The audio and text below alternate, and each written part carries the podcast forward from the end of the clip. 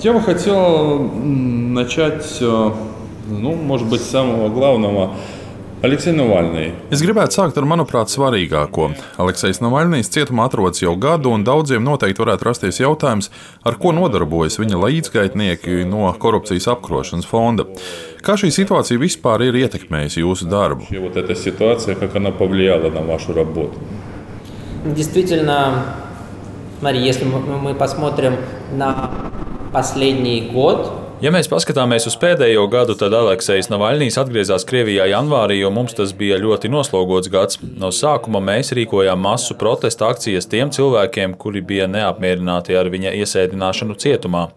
Pēc tam valsts pieņēma likumu, kas korupcijas apkarošanas fondu atzina par ekstrēmistu organizāciju, un mums bija jāpakārto sava darbība. Dažu mēnešu laikā no Krievijas bija jāevakuē cilvēki, kuriem draudēja briesmas arī nokļūt cietumā. Janvārī mēs publicējām pētījumu par Putina pili Gelenģikā. Vasarā pirms parlamenta vēlēšanām visi mūsu resursi tika novirzīti viedās balsošanas projektam. Drīz pēc tam mūs oficiāli atzina par ekstrēmistu organizāciju, un mēs atvērām biroju Viļņā, kur pašlaik strādā aptuveni 40 mani kolēģi. Pašreizējos apstākļos mēs fokusējamies uz to, lai attīstītu mūsu mediju impēriju. Mēs radām ļoti daudz video satura, kuru mūsdienu pasaulē patērē daudz vairāk nekā rakstītos materiālus.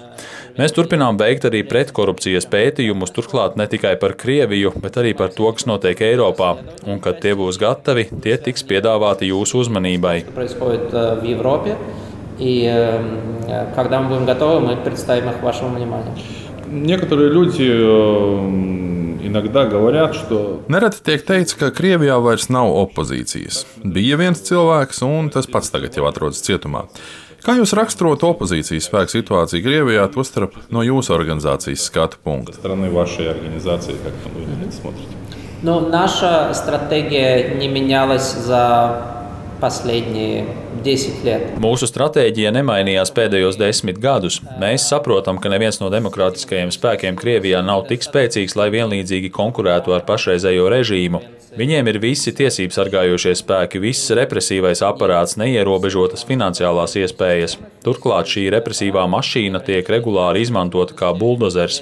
Šajā situācijā mūsu stratēģija ir bijusi veidot politisku organizāciju, kas kļūtu par pašu spēcīgāko politisko spēku brīdī, kad nenoliedzami Krievijā iestāsies politiskā krīze. Pašreizējā centralizētā sistēma ir būvēta uz korupcijas. Tā liekas stabila, taču tā kļūst arvien trauslāka un cilvēkos neapmierinātība pieauga. Ja 2000. gadu sākumā tā cilvēkiem sniedza kaut kādas politiskās dividendes, tad dzīves līmenis pēdējo desmit gadu laikā ir krities. Brīvība kļūst mazāk, represīvā mašīna kļūst arvien spēcīgāka. Mēs redzam jaunus video par spīdzināšanu ieslodzījuma vietās, un, protams, ka cilvēkiem tas nepatīk. Agri vai vēlu tas pārvērtīsies politiskās darbībās, tāpēc pašlaik mēs turpinām darīt to, ko varam. Pētījumi, mediju darbība un to cilvēku atbalsts, kuri iestājas par pārmaiņām Krievijā. Vaše расследование, в принципе, по поводу коррупции. Manuprāt, jūsu pētījumi ir vērsti pret augstākajiem valsts sabiedrības slāņiem, pret politisko eliti. Bet kā ir ar vidējo līmeni un kā ir ar korupcijas uztveri starp vienkāršiem iedzīvotājiem? Nu, es, piemēram, nesen viesojos Ukrajinā, kur iedzīvotāji korupciju uztver par nopietnu problēmu, bet tomēr cer, ka sliktākajā gadījumā kāds paziņo vai radinieks palīdzēs no tepatikšanām izkļūt. Kā jūs to izjūtat? Как это вы ощущаете?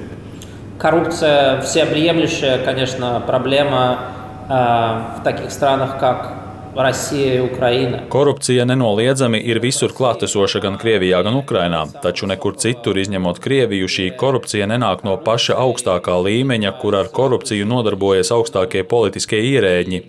Nav noslēpums, ka Putinu uzskata par pasaules bagātāko cilvēku, tāpēc mēs, protams, fokusējamies uz lielākajiem un redzamākajiem korupcijas gadījumiem.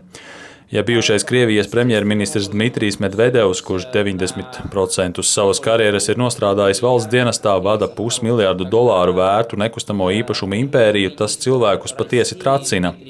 Tieši pēc pētījuma viņš jums nav nekāds dimons publicēšanas 2017. gadā ielās izgāja vairāk nekā 100 tūkstoši cilvēku.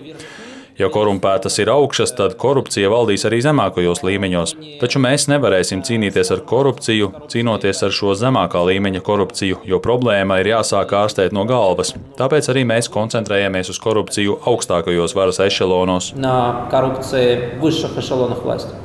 Награда Европейского парламента No sākuma Eiropas parlamenta Sahara balvu Aleksējam Navaļnijam, pēc tam arī Nobela miera prēmija Dmitrijam Muratovam par vārda brīvības aizsargāšanu Krievijā. Tie ir tādi spēcīgi signāli Krievijas vadībai. Taču no otras puses mēs redzam, ka tie ir arī kā pīlēji ūdens, un efekts ir pat pretējs. Jebkuras vārda brīvības izpausmes tiek apslāpētas un represijas kļūst aizvien smagākas. Kā jūs vērtējat šo situāciju? Vai redzat no tās izēju un kā notikumi varētu attīstīties uz priekšu? есть ли там выход или как это может развиваться. За последние несколько лет Россия все чаще и чаще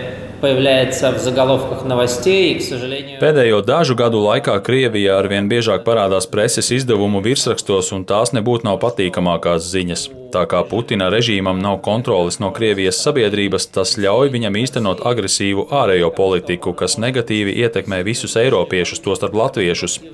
Es šeit domāju gan to, kas pašlaik notiek Ukrajinā, gan politiskās slepkavības, gan enerģijas un gāzes izmantošanu kā ietekmes sfīras. Tas viss notiek jau tagad, un ir tikai saprotami, ka uzmanība Krievijai ir pievērsta vairāk nekā agrāk. Aleksis Navaļnijas noteikti ir pazīstamākais politieslodzītais, un Saharova balvas piešķiršanā ir liels gods gan viņam, gan viņa līdzgaitniekiem. Cik ļoti tas ietekmē Krievijas valdību, ir grūti teikt, taču mēs pilnīgi noteikti apsveicam šādu atzinību, jo galu galā arī mēs vēlamies dzīvot normālā pasaulē. Ja tāds cilvēks kā Aleksis Navaļnijas ir izpelnījies šādu atzinību, ja viņam ir miljoniem sekotāju un viņš vienmēr ir aicinājis mierīgā veidā pretoties autoritārajam režīmam, un ja šāds cilvēks nonāk aiz restēm, protams, mēs šādai situācijai centīsimies pievērst uzmanību un zvanīsim visus zvanus, neskatoties uz iespējamo Krievijas varas iestāžu reakciju. Бить во все колокола, э, невзирая на возможную реакцию со стороны российских властей. А Вы вот в эти колокола бьете уже довольно долго. Jūs šo zvanu zvanāt jau diezgan ilgi, un jūs arī esat viens no tiem, kurš aicina rietumvalstis ieviest sankcijas pret vairākiem desmitiem Krievijā ietekmīgu cilvēku. Taču tā vien liekas, ka šīs zvanu skaņas vai nu netiek sadzirdētas, vai arī nepiesaista pietiekami lielu uzmanību. Varbūt jums ir viedoklis, kāpēc tā un kas būtu jādara, lai tas viss pagrieztos citā virzienā. Что бы надо было делать, чтобы это все повернулось бы в другую сторону? Ну, политический процесс в каждой стране, он прежде всего сфокусирован на внутренних вопросах. Politiskais process katrā valstī pirmkārt ir vērsts uz iekšpolitiku. Ja mēs paskatāmies uz Ameriku, tur mēs redzēsim ļoti izteiktu polarizāciju un ļoti nopietnus konfliktus valsts iekšienē. Un, protams, ka galvenā politiķu uzmanība tiks pievērsta tieši šiem jautājumiem, nevis tam, kas notiek Krievijā. Ja Putins neīstenotu agresīvu ārējo politiku, bet vienkārši īstenotu represijas valsts iekšienē, tas noteikti ASV kongresā netiktu apspriests. Taču viņa politika ir agresīva, un viņš iejaucas arī ASV iekšējās lietās, piemēram, ietekmējot prezidenta vēlēšanas. Kas attiecas uz Eiropu, tad arī šeit katrai valstī ir savas problēmas un savas nereti sarežģītas attiecības ar Krieviju. Ir arī ekonomiskās intereses un kaut kādas korupcijas intereses. Laiku pa laikam mēs redzam kādu skandālu Austrijā vai Marinas Lepēnas galēji labējās Nacionālās frontes finansēšanu Francijā.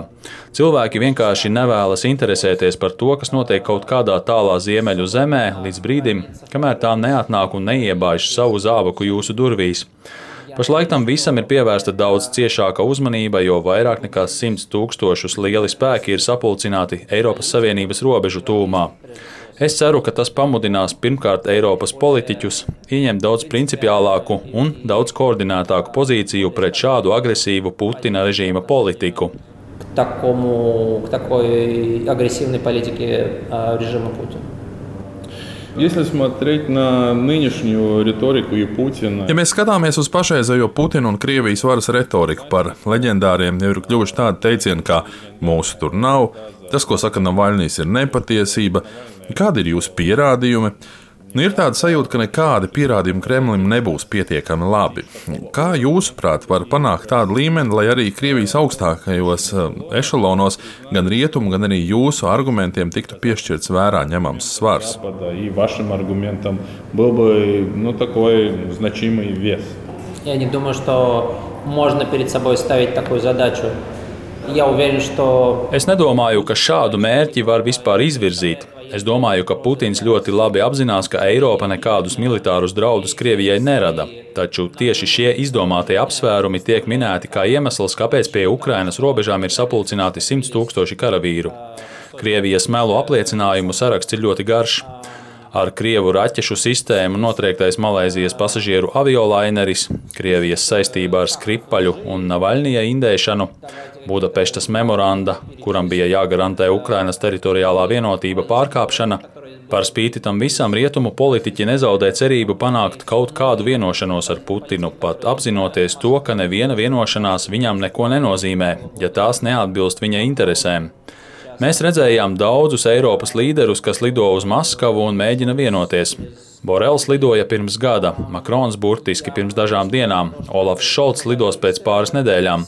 Es pilnīgi noteikti atbalstu to, ka ar savu oponentu ir jārunā, taču man liekas, ka ir jābūt reāliem par to, ko ir iespējams panākt. Un tad, kad Makrons saka, ka mēs tūlīt vienosimies un būs kaut kāda liela vienošanās, tas man liekas diezgan naivi. Makrons teica, ka mēs šodien dogovorimся. И какое-то будет большое соглашение, это мне кажется немножко наивным. Спасибо. Paldies! Спасибо вам.